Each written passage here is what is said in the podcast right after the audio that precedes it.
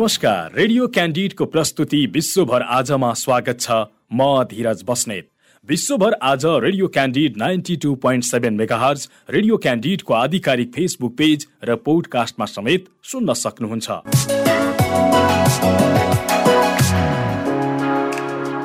विश्वभर आजमा हामी विश्वभर घटेका ताजा र विशेष घटना समेटिएका समाचार सामग्री प्रस्तुत गर्दै आएका छौँ।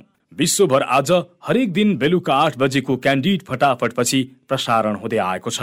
विश्वभर आज भएका प्रमुख घटनाहरू जुन तपाईँले जान्न खोजिरहनु भएको छ वा जान्नै पर्ने केही विशेष छ। जुन घटनाहरू प्रस्तुत गर्दै हुनुहुन्छ सहकर्मी माधव तिमिल सेना र यमुना राणा। फ्रान्सको राष्ट्रपतिमा पुनः इमानुएल म्याक्रोन निर्वाचित भएका छन्। मुख्य प्रतिद्वन्दी म्यारिन ली पेनलाई हराउँदै म्याक्रोन पुनः निर्वाचित भएका हुन्। आइतबार भएको दोस्रो चरणको राष्ट्रपतीय निर्वाचनमा म्याक्रोनले दक्षिणपन्थी नेत्री मरी ले पेनलाई पराजित गरेका हुन्।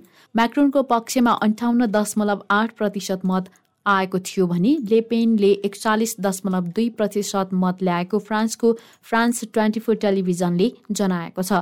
चुनावको समयमा दक्षिणपन्थी उम्मेद्वार पेनले इयु विरोधी नीति सार्वजनिक गरेकी थिइन्। म्याक्रोनको विजयको युरोपेली नेताहरूले स्वागत गरेका छन्। हामीले फ्रान्स र युरोपलाई सँगसँगै अगाडि बढाउनेछौँ युरोपेली आयोगका अध्यक्ष मोर्सुला भोन्डेर लियनले भनिन्। म्याक्रोनको विजयले युरोपेली नेताहरूलाई राहत पुगेको बताइएको छ।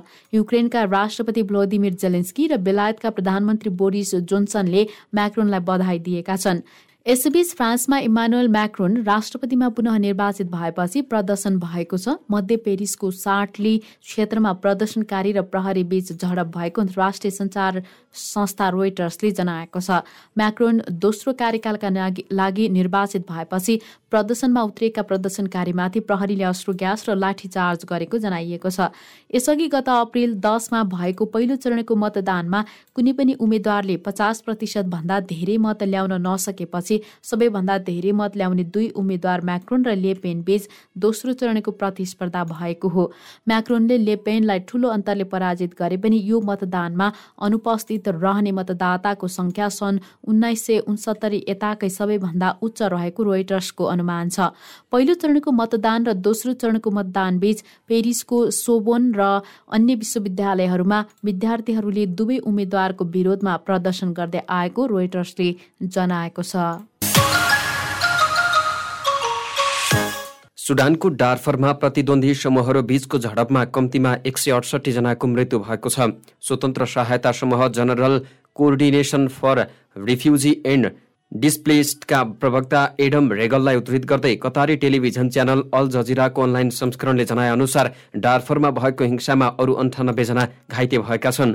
उनका अनुसार बेहिबार पश्चिमी डार्फर प्रान्तको राजधानी गेनेनाबाट तीस किलोमिटर पूर्वमा रहेको क्रेनिक क्षेत्रमा अज्ञात हतियारधारीले दुईजनाको हत्या गरेपछि हिंसा सुरु भएको हो।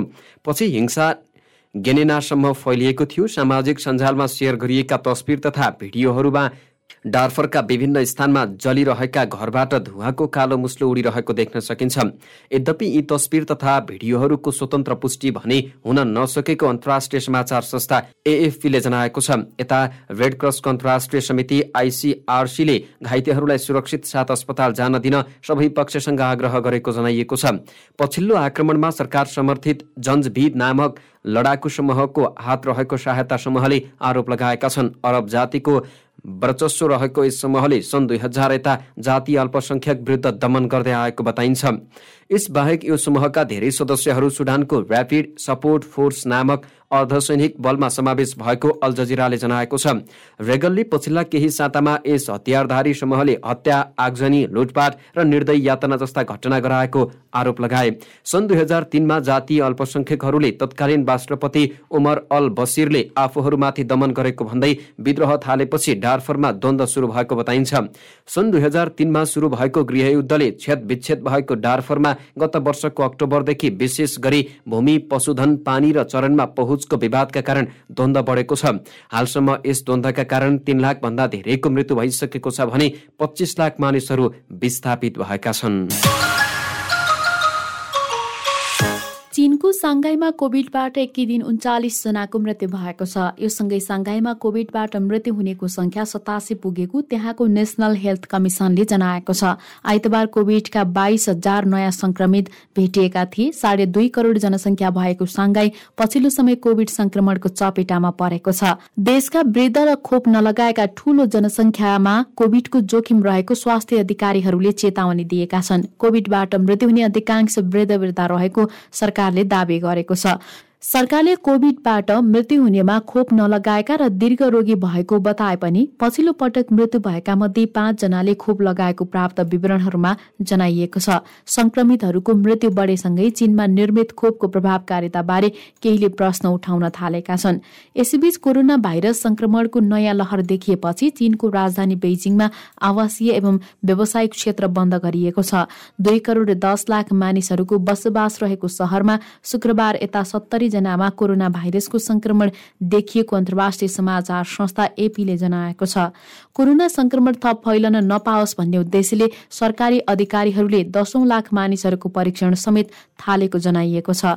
स्वास्थ्य अधिकारीहरूले सहरको चाओ याङ जिल्लाका तीस लाख भन्दा धेरै मानिसहरूको परीक्षण गरिने जनाएका छन्। उनीहरूको परीक्षण सोमबार बुधबार र शुक्रबार गरिने जनाइएको छ। साङ्घाईमा जस्तै बेजिङमा पनि कठोर लकडाउन हुने त्रासबीच स्थानीय बासिन्दाहरूले खाना र अन्य अत्यावश्यक वस्तुको जोहो गर्न थालेको समाचार संस्था एपीले जनाएको छ। बेजिङका किनमेल केन्द्रहरूमा मानिसहरू सामान किन्न लामो लाइनमा बसेको बताइएको छ। यता सरकारी सञ्चार माध्यमले भने सहरमा अत्यावश्यक वस्तुको कुनै अभाव नरहेको जनाएको छ। गत वर्ष विश्वको सैनिक खर्च एक्काइस खर्ब तेह्र अर्ब डलर पुगेको छ। Stockholm international peace research institute SIPRI नामक थिङ्क ट्याङ्कले यस्तो जानकारी दिएको हो। अमेरिका चीन भारत बेलायत र रुस गत वर्ष सबैभन्दा बढी खर्च गर्ने पाँच देश हुन्। सिप्रीका अनुसार कुल सैनिक खर्च शून्य दशमलव सात प्रतिशतले बढेको हो। अमेरिका चीन भारत बेलायत र रुसले कुल खर्चको बैसठी प्रतिशत हिस्सा ओघटेको सिप्रीलाई उद्धृत गर्दै जर्मन टेलिभिजन च्यानल डिडब्ल्यूको अनलाइन संस्करणले जनाएको छ। कोभिड नाइन्टिन महामारीको समयमा पनि विश्व सैनिक खर्च रेकर्ड तहमा पुगेको छ सिप्रीका डाक्टर डिएगो लोपेज दा सिल्भाले भने। सन् दुई हजार एक्काइसमा अमेरिकी सेनाले आठ सय एक अर्ब डलर खर्च गरेको जनाएको छ। जुन अघिल्लो वर्षको तुलनामा एक दशमलव चार प्रतिशतले कम हो। तर सन् दुई हजार बाह्र र दुई हजार एक्काइस बिचमा यसको सैन्य अनुसन्धान र विकास चौबिस प्रतिशतले बढेको कारण अमेरिकाले भावी पुस्ताको प्रविधिमा जोड दिएको छ। हाल युक्रेनसँग युद्धरत रुसले गत वर्ष आफ्नो सैनिक खर्च दुई दशमलव नौ प्रतिशतले बढाएर पैँसठी दशमलव नौ अर्ब डलर पुर्याएको थियो। सिप्रीले रुसको सैनिक खर्चमा वृद्धि भएको यो लगातार तेस्रो वर्ष भएको जनाएको छ। रुसले युक्रेनको मारियोपोल सहर स्थित एजोब स्थल औद्योगिक क्षेत्रमा एकतर्फी युद्ध विराम घोषणा गरेको छ। रुसी विदेश मन्त्रालयलाई उद्धृत गर्दै बीबीसीले जनाए अनुसार सो क्षेत्रमा फँसेका सर्वसाधारणहरूलाई उद्धार गर्नका लागि युद्ध विराम घोषणा गरिएको हो। रुसी फौज सो क्षेत्रबाट सुरक्षित दूरीसम्म पछि हट्ने रक्षा मन्त्रालयले जनाएको छ। केही दिन अघि मात्रै रुसी राष्ट्रपति भ्लादिमिर पुटिनले मारियोपोल सहरमा आफ्नो फौजले विजय हासिल गरेको दावी गरेका थिए। मारियोपोल सहरको अधिकांश क्षेत्रमा नियन्त्रण स्थापित गरे पनि एजोबस्थल औद्योगिक क्षेत्रमा भने युक्रेनी फौजले अझै पनि रुसिया आक्रमणको प्रतिकार गरिरहेको अन्तर्राष्ट्रिय सञ्चार माध्यमले जनाएका छन्। मारियोपलमा विजय भएको दावी गर्ने क्रममा राष्ट्रपति पुटिनले एजोबस्थल क्षेत्रमा आक्रमण गर्नु अनावश्यक रहेको बताएका थिए। विश्वकै सबैभन्दा ज्येष्ठ नागरिकको एक सय उन्नाइस वर्षको उमेरमा निधन भएको छ। जापानका सरकारी अधिकारीहरूले सम्भार दिएको जानकारी अनुसार सन् उन्नाइस सय तीनमा जन्मिएकी काने ताकानाको मृत्यु भएको हो। उनी जन्मिएको वर्ष राइट दाजुभाइले पहिलो पटक उडान परीक्षण गरेका थिए भने पहिलो महिला नोबेल पुरस्कार विजेताका रूपमा म्यारी क्युरीले नोबेल पुरस्कार प्राप्त गरेकी थिइन्। उनी जापानको दक्षिण पश्चिमी फुकुओका क्षेत्रमा बस्दै आएकी थिइन्। उनको स्वास्थ्यमा खासै ठूलो समस्या नदेखिएको चिकित्सकहरूले बताउँदै आएका थिए। उनलाई नर्सिङ होममा राखेर स्वास्थ्य सेवा दिइँदै आइएको थियो। नर्सिङ होममा रहँदा उनी बोर्ड गेम्समा रमाउने गरेको र गणितका प्रश्न उत्तर लेख्दै बस्ने गरेको बताइएको छ। त्यसै गरी उनलाई सोडा र चक्लेटहरू मन पर्थ्यो।